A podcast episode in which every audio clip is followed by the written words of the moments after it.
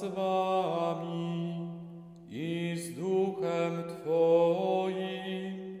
Słowa Ewangelii według świętego Mateusza.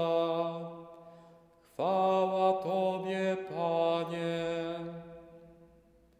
W owym czasie Jezus podążył w okolice Tyru i Sydonu. A oto kobieta kananejska wyszedłszy z tamtych stron, wołała. Ulituj się nade mną, Panie, Synu Dawida. Moja córka jest ciężko nękana przez złego ducha.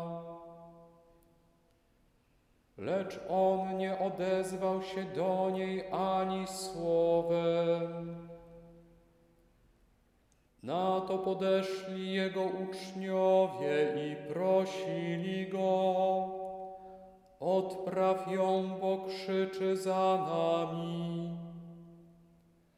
Lecz on odpowiedział, Jestem posłany tylko do owiec, które poginęły z domu Izraela.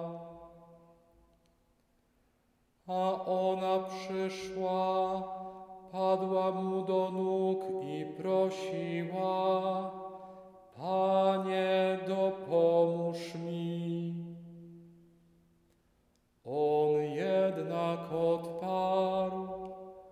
niedobrze jest zabrać chleb dzieciom i rzucać szczeniętom.